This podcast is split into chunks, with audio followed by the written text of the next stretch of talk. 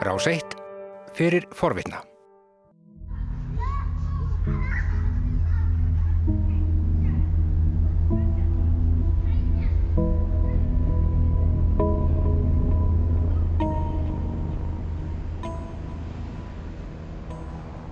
Velkomin í Loslasþerapíuna. Ég heiti Arnhildur Haldunadóttir og ég sé ekki hvernig þetta á að ganga upp. Það er mjög ljóst að, að næsti áratugur, hann verður mjög mikið svona úrslita áratugur. Þetta er Haldur Þorgirsson, formadur Loslasræðus stjórnvalda. Það er neyðar ástand og spurningin er svo, uh, þurfum við til dæmis að lýsa yfir viðbúnaðastígi. Við þurfum að vera á viðbúnaðastígi þegar maður ávið, þegar maður talar um viðbúnaðastíg að þá er maður að, að setja allt í gang sem mögulegt er en við erum ekki, þegar maður er á viðbúnaðastígi þá er maður ekki að, að yfirgefa húsið uh, við teljum að, að það sé ennþá að verja húsið Það talaði með um lausnirna séu til, sömu vísindamenn og tala um vandamálið og í hvað stefnir tala með lausnirna séu til. En samt á ég erfitt með að trúa því að við getum snúið þróunni við Það er alltaf þetta já en sem kemur upp í hugan. Þegar endur nýjanlegir orkugjafar segir sókn þá hugsa ég já en jarðarmeðelsniti er líka guðsast upp úr jörðinni af auknum krafti og það eru kóla verið byggingu út um allt í Kína og Vindlandi. Þegar ég heyra losun á hvert flugsæti sem orðin minni þá hugsa ég já en sá ávinningur hverjur út í buskan því á saman tíma þá eikst flugum fer stöðugt.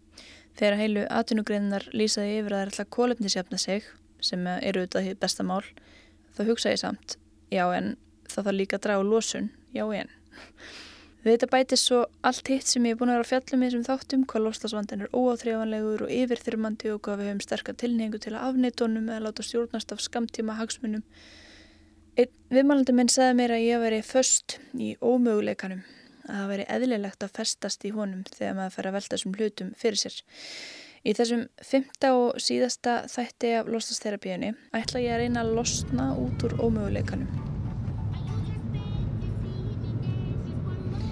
Já, ég er að leita lausnum og uh, klukkan er að vera tvö að fara nátt lögadags og ég er á leiðinni á uh, klímathón þar sem að fólk er að leita samgöngu lausnum fyrir Reykjavíkuborg.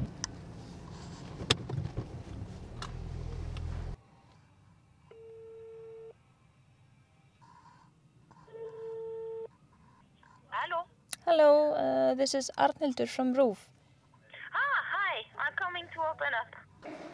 Um, so yeah, it's nice to have you here. So lots of some people can, went home already okay. because they were like tired, like uh, yeah.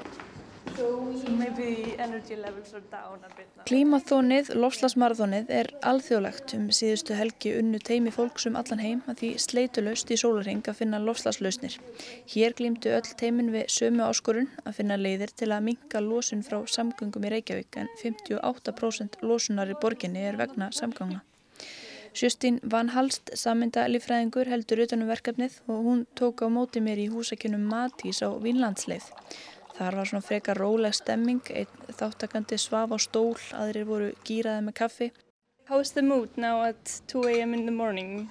Are you feeling optimistic about your solution? Yeah, definitely. We, we have come up to a really good idea and we're happy with it. Oh, the idea is a bike bus. So this is a, a bus powered by bikes Hjólastrætó sem krakkar geta tekið í skólan. Það komast átta börn í hvert strætó, börnin knýjan sjálf með því að hjóla en það er ramag líka sem hjálpar og foreldrar barna í hverju hverfi skiptast á að vera vakstjórar.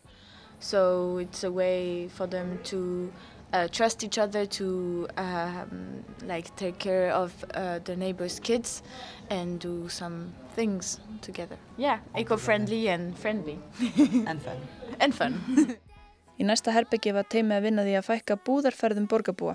Hugmyndin er að fólk panti mat á netinu, fyrirtæki sæki matinn í verslanir og komunum fyrir í læstum skáp á svo kallari geimstustöð. Slíkar stöðvar verði í hverju hverfi og þangað verði svo stutt fyrir fólk að sækja vörurnar. Are you gonna take a nap soon? Well, we don't know, maybe we are just uh, waiting to improve our ideas. For now, we drink a lot of coffee and then we will see. Justín segist sjálf halda sérstaklega upp á lausnir sem að tali til fólks og geri hverstaslífið betra. Hún nefnir verkfæra bókasafnið Reykjavík Tool Library.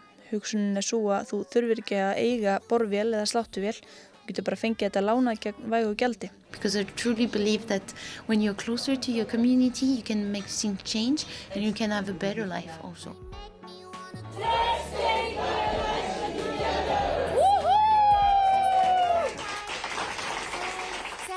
Dance for me, dance for me, dance for me, oh, oh. I never seen anybody do the things you do before. En það er bara þannig með allar breytingar. Það var alltaf sagt þetta er ómögulegt. Þanga til að það er gert. Físileiki er svo mikið spurning um vilja og, og, og, og svona samtakamátt. Eh, Það er eitt sem er mjög aðtilsvært ef þú horfir á sögu endurniðanlegar orku. Sérfræðingar um möguleika á því að, að auka framlýslu endurniðanlegar orku þeim hefur alltaf mistekist að spá fyrir um hraðan. Þeir eru alltaf gest hraðar heldur en þeir eru þurft endur nýja spá sínar ár fyrir ár. Við skiljum ekki mannin eins vel og við teljum við gerum. Uh, mannskefnan er mjög öflug skefnað. Sérstaklega þegar, þegar uh, við náum að vinna saman, þegar við náum að, að fara að trista hvort öru.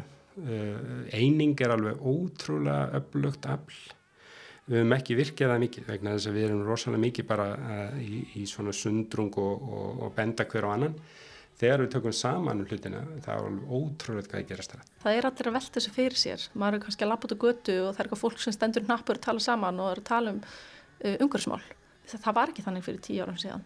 Það hefði ekki verið þannig fyrir ári síðan. Nei, nákvæmlega, það var ekki þannig fyrir ári síðan. Um, Hitaveituvæðingin til dæmis. Uh, hér áður fyrir þóttu bara eðlilegt að það voru bara sótski yfir tjörninni í Reykjavíkuborg mm. af því að það brenda allir ólíu og kólum og mér skilst að fyrst þegar að einhver laði þetta til að þá fannst allir með þetta bara fáranleg tilhugsun. Af því að það var ekki hægt að hita veitu væða allt strax þá ættu við bara að gera ekkert. Það var reykt í bankanum því ég byrjaði að vinna þar 96 og það þóttu bara sjálfsagt mál. Og ég held að ég ætla að líta það þannig að, að þessa breytingar sem við erum að fara að gangi gegnum sé bara sama eðlis. Og mögulega er kannski verið að svolítið ala á óttanum okkar. Þetta er ekkert eitthvað hræðilegt. Hugsa stundum, þú veist, því ég reyna að hugga með eitthvað líka, þú veist, að það sér enginn fyrir byltingar, þú veist, einhvern veginn, það er eitthvað sem mann finnst ómögulegt, einn daginn er allir náttúrulega mögulegt daginn eftir, þú veist.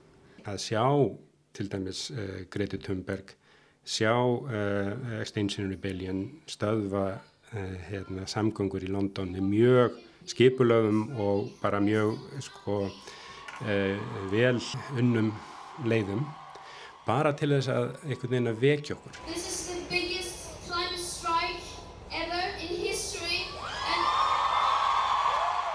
Sko, Extinction Rebellion hefur þrjár grunnkröfur það er í fyrsta lagi krafanum að stjórnvöld uh, segi sannleikan um hvernig aðstæður eru í lofslags- og vistmálum og rökrétt afleðinga því er að lýsa yfir neyðar ástandi önnur krafan er að stjórnvöld drægi saman losun nægilega hratt til að komast á heldar hlutleysi 2025 og þriðja krafan er að það verið sett upp þjóðþing því það eru auðvitað margar leiðir til að komast að þessu markmiði, fullt fullt af mismunandi leiðum. En til þess að svo leið sem verið valinn hafi, hafi pólitískan kraft og, almen, og hafi almenning á bakvið sig að besta leiðin til þess sé að gera það í gegnum þjóðþing en það er það að vera þing sem hefur raunverulegt framkvæmda vald þótt að þetta sé auðvitað margir myndi segja rosalega rótæk krafa að setja upp þjóðþing til að ákveða þetta þá held ég að það sé að vissuleiti samt auðveldari leið heldur en að gera það í gegnum flokkspolítísku kerfin. Það er bara búið að sína sér hinga til að þau hafi ekki virkað og hafi í rauninni bröðist okkur algjörlega. Samtökin voru stopnud fyrir slettu árið, síðan hafa þau vaksir hratt og breyðst út um allan heim. Það er engin miðstýring, bara sameigileg sín Samtökinn beita borgarlegri óhlýðni og meðlumir eru oft tilbúinir að láta handtaka sig fyrir málstæðin.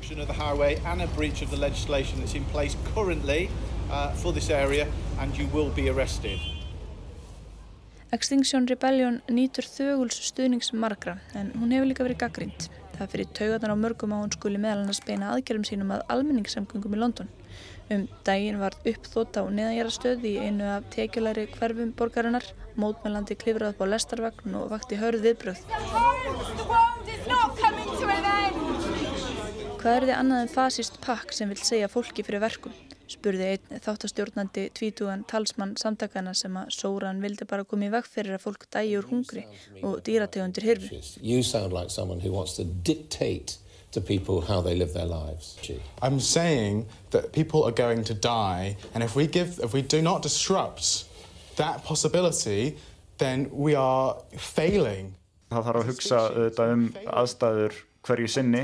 Aðalatriðið er að skilabóðin komi mjög skýrt fram. Eitthvað sem ég kann rúslega vel að meta við Extinction Rebellion er svona, það er viss bara svona trú á sannleikan, að það sé, að það sé með mikill kraftur í na, sannleikanum þótt hann sé óþægilegur. Reyfingin hefur verið sögð of einsleitt, þetta sé aðalega kvítt millistéttar fólk, meðlimir einblíni á framtíðar ógnir en hunsi það að fjölmarkir get ekki leift sér slíkan luxus. Aðferðirnar hendi líki ekki öllum, kvítu millistéttar fólki stendur kannski ekki mikil ógn af lauruglunni. Gaggrínin varpar ljósi á mikilvægi þess að huga ólíkri stöðu fólks, ólíkum hagsmunum. Samtökin segjast ætla að bæta sig, þau sé að læra, þau vilji vera allra. Greta Thunberg. Það eru margir að tala um að hún veiti von og ég sá umhverjusráð þegar hann lækar eh, reyfinguna Extinction Rebellion Ísland á Facebook. Og maður hugsa svona, er þetta ekki árið svolítið þversaknakent þegar þeir sem hafa völdin binda vonir sinni við þá sem eru að þjarma að þeim þrýst á það og, og byggja valdhafanum að ráðast í aðgerðir?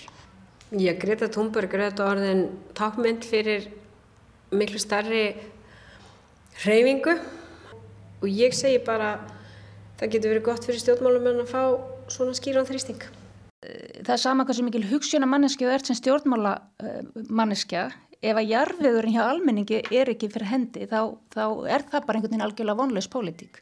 Þannig að ég held að svona þessar fjöldarhefingar skipti miklu máli. Ég heiti Auður Há Ingolstóttir og ég er alþjóða stjórnmálafræðingur stríð hafa mjög mikið verið stúderuð. Hvers vegna gerðist þau, hvað gerðist í þeim, hvað áhrif hefðu þau. Og ef við horfum á hluti eins og fyrir og setni heimstörjöldina, árásendnar og tvíbaraturnunum, ímislegt fleira, þegar við horfum á alltíða stjórnmálinn, þá eru þetta svona eh, snúningspunktar, það er fyrir og eftir.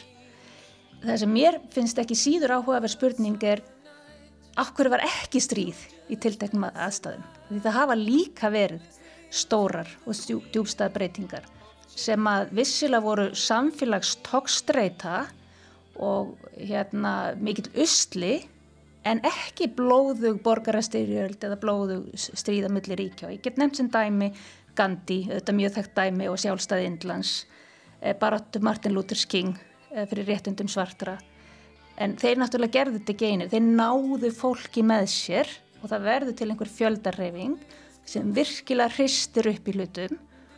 Ég, mér finnist það mjög æskilegri þróun ef að, ef að við, okkur lánaðist að vinna lofslagsmálunum með þannig umbreytingar ferlum heldur en að það einhvern veginn við förum bara inn í blindgött og förum bara að berjast um vatni sem er eftir eða, eða þær auðlindi sem er eftir vegna þess að verðum er í skortur og, og svo framvegis.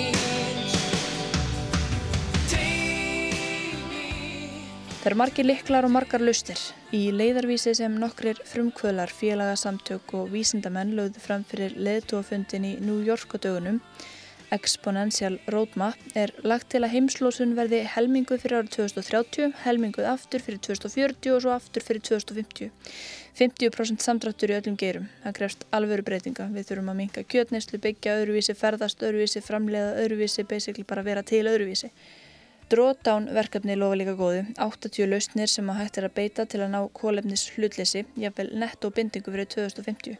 Lausnin sem að skilar mestum samdrætti er bætt meðferð vettnis klúorflóriða sem er í ískápum og kælikerfum. Þessar loftegundir er alltaf því 9000 sinnum virkari gróðursaloftegundir en koldusýringur og losna aðalega þegar tækjum er fargað. Í öðru sæti var að framleiða meira ramag með vindorku Þriðja áhrifaríkasta aðgerðina matið drótán er að minga matarsón og svo fjórða að draga verulega úr kjötnistu. Alþjóðlega er Parísasamkominlagi frá árinu 2015 okkar helsta haldreipi. Það var þrekvirkja að fá hátt í 200 ríki til að samþykja að halda hlínunni innan tvekja gráða. Að fá þau til að setja sér markmið, skuldbinda sig til að gera reglulega grein fyrir framfylgdini, skerpa á markmiðinum og fylgja svo sameinlega með hildar árangrunu. Þetta snýstum að ná kólefnis hlutleysi um miðjaöldina, draga stórkosla úr losun en líka um aðlugun og bindingu. Það er þegar að nást töluverður árangur í, í aðlugun en þá ætlar að fjárfesta miklu meir í þessu. Og þetta er líka mjög tengt flótamannavandanum það er þegar orðið tölut mikið af lofslagsflótamannum en það er að draga úr hættunum á því að það aukist enn frekar. Og þarna held ég að Ísland hafi líka geti gert mun meira heldur en það er að gera í dag og svo er líka sko þó, þó ég aðgreinir þetta tvent eh, að, að draga úr losun og, og búa sendir afleggingar þá er margt sem að geta gert sem að skilar árangur á báðum hlýðum og það sem er kannski mest spennandi núna er að horfa á því hvað er þetta að ná miklum árangur með skórakt og að, að draga úr skóreiðingu og skórakt er uh, mjög merkilegt viðbræðsleið uh, vegna þess að hún bindur kólefni en hún líka eigur viðnamstól, gagvar, þurkum uh, og aftakaveðri og þetta er kannski svona skýrasta dæmið er að maður horfir á tvær þjóðir sem er búið á einni eigu, önnur er Hæti og hitt er Dominíska líðildið. Hæti búar hafa raunverulega fjallætt alla sin skó og eru að fá yfir sig miklar örskriður meðan að sama verðarkennur að fara yfir Dominíska líðildið á sömu eigu er að valda miklu meir minni skada og kannski það mest spennandi sem maður hefur heyrst nýverið er, er, er þessi viðbröð þeirra í Eþjópíu að, að, um, að ná tilbaka að planta um, fjórum miljardum trjáa og að þeir plantuðu 350 miljónum trjáa á einn deg. Ég held að eitt af stæstu svona málunum sem er að fara í gang núna er uh, það sem hefur verið kallað um, náttúrulausnir. Það er mikilvægt að vandin kvíla á mörgum stólpum og einhverju þeirra geti tekið við þingri byrðum þegar aðrir svíkjast undan. The United States will withdraw from the Paris Mörg fyrirtæki og sveitarfélög hafa sett sér markmið í tengslum við Parsasamkominæð og borgir og ríki bandaríkunum tók að hluta til við kepplinu þegar Donald Trump staðist alltaf að kippa bandaríkunum út. En, svo kemur já en-ið aftur. Hvert ríki ræður því hvaða markmiða setur og það eru engin þvingunar ákveði sem að hægt er að grípa til ef þau standi ekki við þau. Nignun almenningana, klípa fangans, Þetta eru svona kenningar um hvernig manneskjur takast á við sameinlegu vandamál þar sem að langtíma hagsmunur heildarinnar og skamtíma hagsmunur hvers og eins tókast á. Eh, það eru valda mér ákveðum áhugjum því það er benda á að við eigum það til að velja skamtíma hagsmununa, freista þess að láta aðra um að leysa vandan eða gera ekkert að því við óttumst að hinnir gera ekkert og við viljum ekki gera eitthvað til einskis. Svo dögur þessi markmið ekki til ef að öll ríkin myndur standa við markmiðin sem þau settu sér í tengslu við Paríssamkvæmulagið þá stefnum við á þrjárgráður, ekki tvær. París myndaði svona umgjörðum lausnina. París var ekki lausnin í sjálfum sér.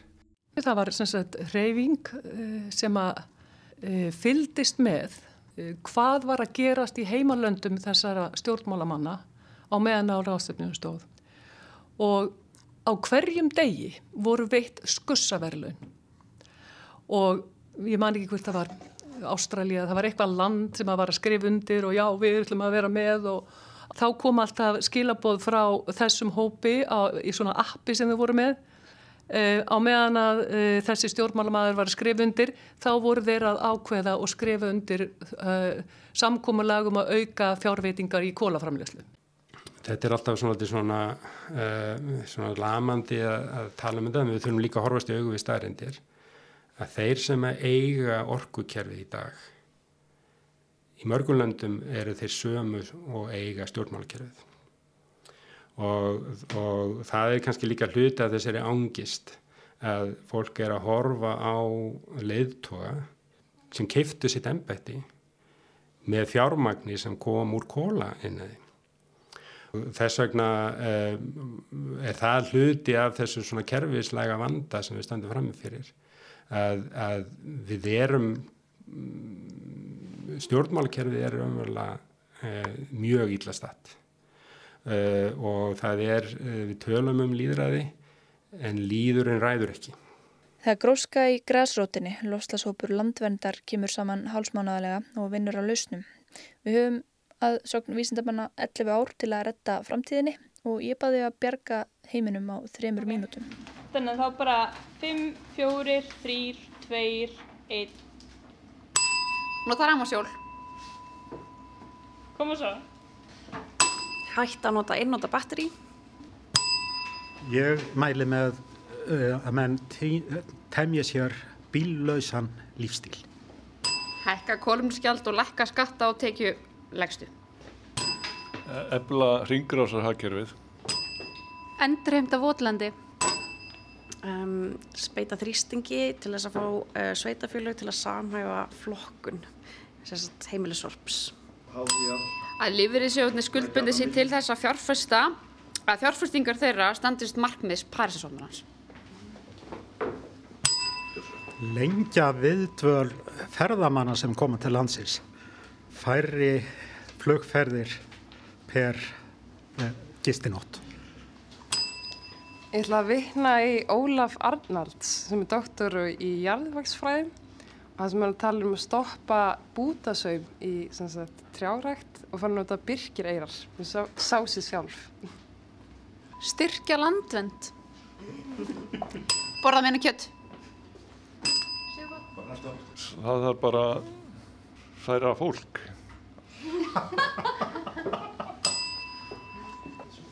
Það þarf að markvalda framlag á vegum ríkisins í til að standa við loftvars á, ákvæðið eða svo hérna markmiðis fyrir 2030. Lesið þess að uh, mokkan í dag, uh, veðurfræðingur hérna Einar Sveinbjörnsson er að tala um þetta náist ekkert og það er, er alveg raunhægt hjá, hjá honum. Altså hérna þetta verður að vera, það verður að koma þrýstingu frá umhverfsvendarsamtökum um að markvalda framlag eins og ofinbera til þess að ná markmið 2030 annars næsta ekki. Styðja við mentun hvenna í þróunulöndum? Borga fyrir bílastæði? Hey, þá er bara tíminn búinn. Eru þið búin að ná að bjarga heiminum haldið? Klálega. Við gerum það á hverja annað hvað þrýðarskóla. Sitt ekki einhver inni með viðbótarhauðmundi, má ekki framleika þetta svona ein-tvær myndur. En það eru þessir vinstri róttaklingar sem vilja hafa þetta, þennan máluflokk í skotgrafarhernaði og uh, vilja helst að allir séust eftir í sama mót og, og borði bara græmiti og þetta er komið út í svo rosalega mikil smáatriði á meðan stóru vandamálin eru beint fyrir framanaugun á okkur stóriðin á Íslandi, skemmtiferðarskipin í höfninni, ræðum stórumálin og látum borgarni í friði. Ef við segjum að grænstjórn taki við að þá kannski bara er svo pólísía bara búinn eftir tvö ára því að næsti sem tekur við eh, horfið til kapitalisma eða einhvers annars. Uh, heldur þú að pólitíkin verði hluti af lausninni eða, eða þvælist hún fyrir? Já, ég held að hún sé hluti af vandanum og líka hluti af lausninni að því að hún er bara einlega óaðskynlega frá málefninu. Uh, það er ekki hægt að leysa það án pólitíkur vegna þess að það þarf að taka ákvarðanir og það þarf að taka ákvarðanir á öllum stígum. Eru einhverju svona pólitískar uh, lausni sem að þú sér fyrir þér að væri svona ídeal? Sko, besta lausnin væri hinn algóði einvaldur, stundu talaðum, sem er því miður ekki til. Og ég, hérna, því ég er búin að hugsa um þetta mjög lengi. Alltaf þegar ég heyri einhvern koma með einhverja töfralaust, þá koma rauðflökk hjá mér, vegna þess að það er engin einlaust. Við verðum bara að, að, að koma að berjast á öllum vikstöðum. Margir tala um að það þurfi djúbstæða kerfisbreytingu á bara efnahags og stjórnmála kerfi heimsins. Og ég svona eftir því sem tíminn líður er eiginlega meira og meira á þeirri skoðun líka. En að því sögðu þetta getur verið ákveðið jafnfægi ef þú vilt breyta kerfi en á sama tíma ertu í þessu kerfi og þú ert hlut af þessu kerfi. Þannig að ég held að séfylgt af minni lausnum, ef við getum orðað þessi svo. Alls konar markaðslausnir, efnahagslegi kvatar og, og bara svona þessari hefðbundnari lausnir sem við notum í stefnumörkun, við að nota þær. En sennilega þarf eitthvað rótækara til að ná algjörlega utanum vandan. Hvað er það það sem þú sér fyrir þér? Uh, ég sé kannski fyrst og fremst fyrir mér að við þurfum að komast í burtu frá þeirri hugmynd að okkar hagkerfi get ekki fungerað nema við stækkum og stækkum. Þannig að það er hagvesturinn, ákveðin endur skilgreining á lífsgæðum, þannig að neyslu hyggjan. Uh, munurinn á vinstra hægri, er eitthvað svona, þú veist, megin munur á, á áherslum?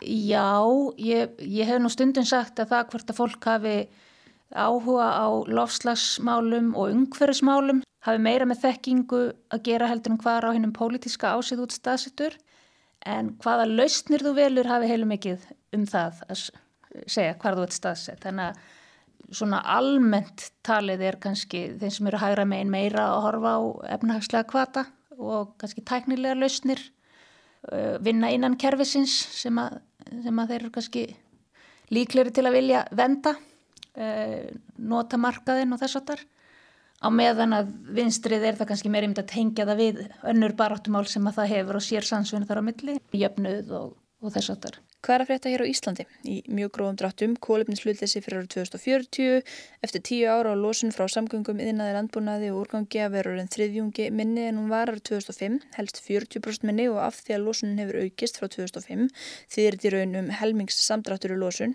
Ég mér finnst þetta að vera stærsta áskorun samtímans, stærsta viðfangsefni stjórnmálana að því að það er flókið, að því að það kallar á svo mikla samvinnu bæði milli ólíkra ríkja á landa en líka innan ríkja á landa.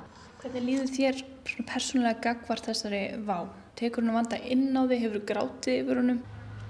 Já, nú kannski er ég bara stjórnmálumar þeirra gerðar að ég tala ekki mikið um mína líðan en ég skinnja það hins vegar að bæði mínum börnum og öðru ungu fólki sem ég hitti þetta liggur þungt á þeirra hérta það sem ég hef lagt áherslu á því að það er mjög mikið lagt upp úr því hvað hver og einn geti gert. Og maður sér það að fólk nánast upplifur skömm yfir því að keira á milli staða eða eitthvað slíkt.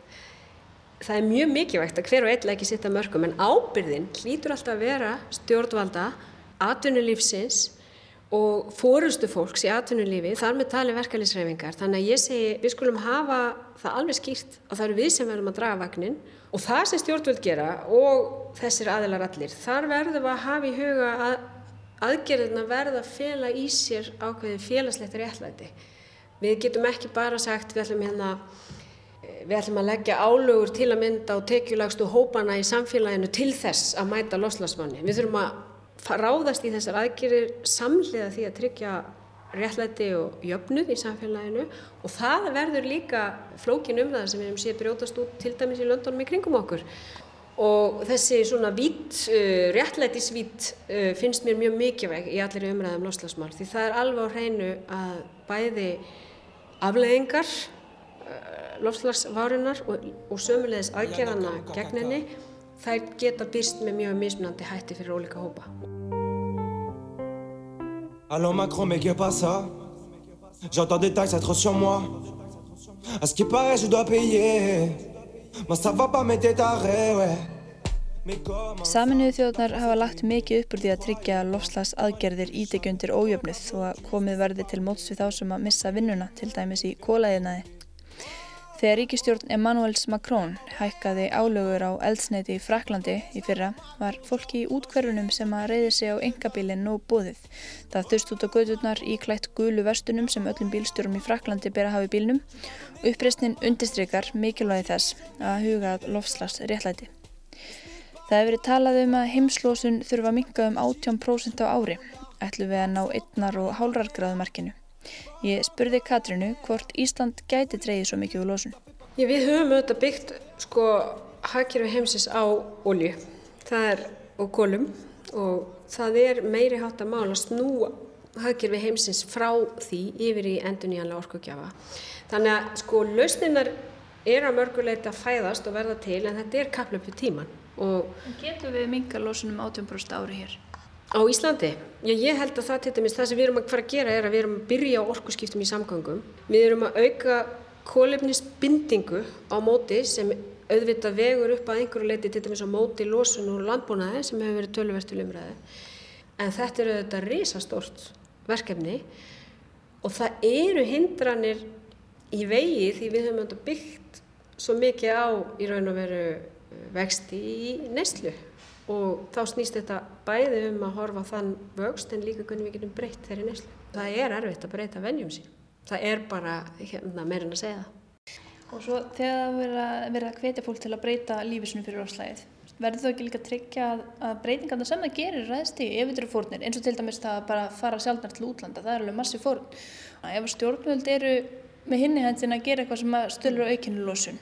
Ég þess vegna segja, sko, ábyrðin verður ekki lög bara á einstaklingana, en það er hægt að gera það auðveldara fyrir einstaklingana, til dæmis með bættum almenningssamgöngum eða nýjum faraskjótum Ég nefn... Það pyrrað á svona þversögnum eins og til dæmis núna oft nefnt þetta með stækkun keflaug og fljóðallar. Já, ég meina þetta er auðvitað vand með farin balans en það verður aldrei eitthvað svartkvít. Það verður aldrei lokað skrúa fyrir alla lúsin. Egert Benedikt Guðmundsson og Unnur Brá Konradsdóttir leiða nýjan samstarfsvettvangur ríkisins og atvinnulífsins um loftslagsmál og grænar lausnir. Í þeirra huga bera fyrirtækin mikla ábyrð en þau geta líka drefið áfram hraðar aðgerðir og fundið upp lausnir. Og það er þetta stærsta vonaðin fólkinni því að setja meiri kraft í teknilusnir. Teknilusnir er sá hluti af þessu sem að mun skipta mestu máli. Og við hér á landi þekkjum við þetta Carbfix og stóriði fyrirtækin eru að kanna hvort að súlaust geti nýst þeim. Og það er bara með dýrmætt fyrir okkur að fyrirtækin í landinu síni þannig að vilja sinn og vilji taka þátt vegna þess að ríki og stjórnvöldu í öllum ríkjum heims geta gert allar heimsins áætlanir. En það er döga skamt ef enginn að taka þátt. Þetta er margar bara mjög góðar og gaglegar aðgerðir hvað sem öðru líður. Þannig að það er ekki, það er ekki þannig að, að, að þarna sé verið að kannski endilega færa miklar fórnir þó að sumaraðgerðir náttúrulega krefjist þess að við, draugum saman seglinu ákveðinu sviðum og við höfum tækifæri til þess að nýta það sem að það sem Íslendingar geta á kunna til þess að hjálpa líka öðrum til þess að draga úr losun og, og, og, og það er þá um leið tækifæri fyrir okkur. Maður alltaf hrættur við kannski svona ákveðin grænþvott og þetta kemur það fyrirtækjum vel að neytendur haldi að þau séu að gera góða hluti.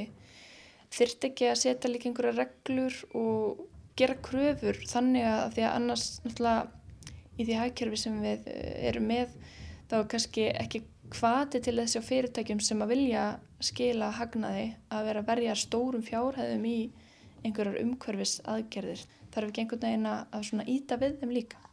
Já það, er náttúrulega, ég myndi segja var mjög mikilvægt að það væri einhvers konar vottun ef þú til dæmis eh, ert að kólefninsjafna. Við þurfum að halda vel á spilunum og halda áfram og reyna að virka sem flesta og það er sem er eitt af því sem er hægt að gera þegar maður er bara stund að sín innkaup er að spurja þá aðila sem að beinir sinni þjónistu að hvaðan þeirra vörur eru keiftar, eru þar keiftar frá aðilum sem eru að hugsa um umhverfsmál. Ég til dæmis myndi vilja þegar ég fyrir út í búð geta valið mér til dæmis hrískrona tegund eftir því hvert sporið er. Ef það er eftirspurn þá eru fyrirtekina bara að stuðið, það er bara þannig. Margar lausnana eru raunverulega til góðs, allavega virðist svo vera. Stór hluti kostnæri helbriðskjárunni er vegna lífstilstengdra sjúkdóma. Það er gott að borða meiru plönduríkinu, ganga meira. En eins og staðanir í dag er erfitt að tryggja matvælauriki án olju og loftmengun frá kólaverum og samgöngum kostar hátt í miljón mannslíf árlega en loftkæling og húshittun bjargar öruglega líka mannslífum. Neistla sem er umfram okkar grunnþorfir gerur okkur ekki hamingisum og það gæti verið hluti af lusninni að stitta vinnuvikuna og hæja þannig verulega hagkjörunu en það þarf þó að tryggja okkur lífsviðværi samt sem áður. Samkvæmt aðgerðaáallun stjórnvalda og kólumnisgjaldið að hækka um 10% um næstu áramót. En hvorki unnurni að gert minnast á álögur sem laust. Það gera hins vegar haldur og fleiri viðmælendu mínir. Hagkerfið er, er mjög blind þegar það kemur að lofslagsvandanum. Vegna þess að kostnæðurinn við það að losa gróðursaloftegundir út í andurslóftið eh, hann kemur hverki fram. Aðgangurinn að andurslóftinu að dæla gróðursaloftegundum út í andurslóftið þetta er þér að kostnaðalösu þetta er ekki samt ókipis það er ykkur annar sem borgar. Því hefur verið líst sem eh, mesta markaspresti sögunar og það er verið að reyna að vinna því að leiðrætta þennan markasprest en það gengur mjög hægt. Og ég er ekki vissum að við getum trist á þá, þá breytingu að hún gerist nægilega rætt ólíkt mörgum öðrum áskorunum sem mannkynni stöði fram fyrir er lausnin okkur veginn, hún likur á borðinu við vitum alveg hvað það er að gera við þurfum að gera jarðefna elsniti stórkostlega dýrar það mun ekkert hækka mikið verði svona markaslegum ástæði. Alþjóða gjaldarisjóðurinn gaf nýverið úta til að halda hlínun innan við 2 gráður þurft að hækka kólumnisgjald í heiminum úr 250 krónum að meðaltali í 9000 krónur á tonnið.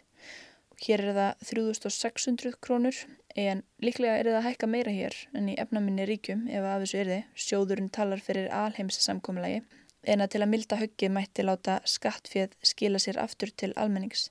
Í setri skapandi greina við hlemmi líka unnið að lausnum. Hæ, má ég tala við þig? Já, Bilgja. Sæl. Þú ert að vinna að lofslagslaust, getur þú sagt mér frá henni?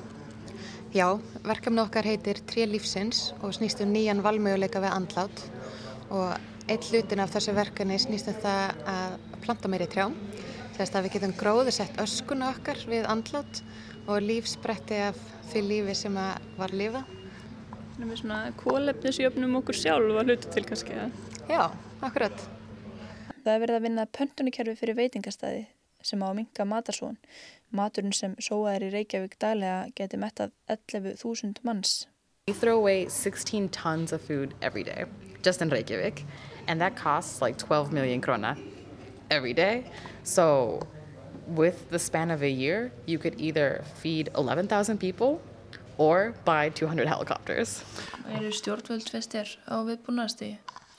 Uh, mér finnst þú verið að komast uh, nær því og það er, það er tölurverð samstæð, mjög mikil samstæð til dæmis innan núverandi ríkistjórnar.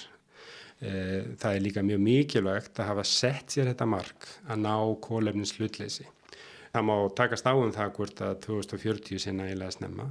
Það er engi spurning að jörðin þarf að vera ná kólumnisjafnvægi um 2000, eins nefn á hekti er eftir 2050. Við þurfum að stíga harðar á bremsuna, lausnirnar eru til staðar en þeim er ekki beitt nægilega hratt. San Ramon, Amin Nasser, Alexei Miller, Darvin Woods, þetta eru forstjórar fjóra af 20 stærstu ólju fyrirtækjum heims, fyrirtækjum sem rannsóknarbladamenn Guardian segja ábyrg fyrir 35% allrar losunar í heiminum. Það eru stjórnvöld og fyrirtæki sem að bera mesta ábyrð, en hversu mikla ábyrð berum við? Við hefum ekki að tala, við hefum ekki að segja við, þetta er ekki við, þetta eru óabyrgi stjórnvöldmenn, þetta eru óabyrg fyrirtæki, þetta eru fyrirtæki sem að uh, þrátt fyrir að vita betur, halda áfram og ég leiði mér að vita að tóðar útgerði viti betur en að brenna svartálju, þetta er ekki astnar, það er bara ódýrað fyrir þau. Það býr kraftur í fjöldanum og við getum haft áhrif sem neytendur og borgarar. Við heyrum það á því hvernig Katrín talar um að þrýstingu sem mikilvægur, hvernig unnur talar um mátt eftirspurnarinnar. Kanski kvílir þetta á okkur þrátt fyrir allt. Kanski við þurfum að bjóða stjórnvöldum og atvinnulífi upp í dans og keir upp taktin.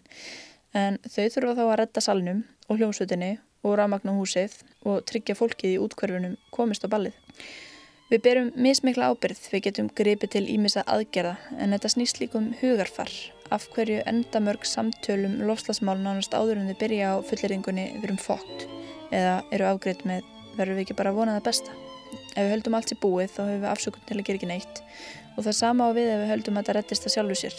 Það má kannski kalla þetta svona frændsískinni afneitunurinnar, þessa ofur vonu þessa bölsíni. Bjassíni er eitthvað sem þú ákveður að gera. Bjassin er ekki eitthvað svona sem bara einhvern veginn uh, gerist. Og ég held að það er mjög mikilvægt að horfast í auðvið staðrendinar en líka að nærast á góðu frettunum og þá er ég að tala um jákvæða frettir sem eru þá kannski uh, svona vísbendingar um hluti sem er að gerast kerfislegar breytingar sem er að eiga sér stað og mér létti mikið, ég verður bara viðkynna það mér létti mikið þegar ég ger mig grein fyrir því að nú er staðan orðið þannig í bandaríkjónum í bjónu þær í sex ár að það veri meira ramag framleita með, með endur nýjanlega morgugjöfum heldur en kólum. Með því að sjá sko gróandan, með því að sjá þessar hluti sem er að gerast, þá veistu betur hvað þú ætti að beina kröftunum og þú beinir náttúrulega kröftunum ef þú hugsaður þetta svona sem ræktunum, þú veist að rækta framtíðina þá horfur við náttúrulega á hvað eru hlutir að gerast og hvað er þetta markfalda. Loslasþerapiðan er aðgengilega á helstu podcastveitum og kannski bæti ég við ítarefni. Ég held áfram að fjallum loslasmálinn, ég held áfram að spyrja mig já en spurninga en ég ætla að reyna að spyrja í báðar áttir. Við þurfum þessi kritísku jáen sem benda á þversagnir og gloppur en við þurfum líka að hugsa út fyrir ramman. Já en hvað við gerum þetta? Vísindamenn segja næstu 11 ára á það úrslutu. Það er ekkert sjálfgefið að okkur takist að halda hlínuninni innan við tværgráður en það munar um hvert brot úr gráðu. Ég held að nú takjum við 11 ára klímaþón. Það geta allir látið til sín taka, lausnirnar eru margar og mörgum sviðum. Það þarf alls konar sjónarhorn, þekkingu og reynslu En fyrst og fremst held ég að það þurfi áhuga og dugnað að ef við leggjum nógu hart að okkur þá sé þetta hægt.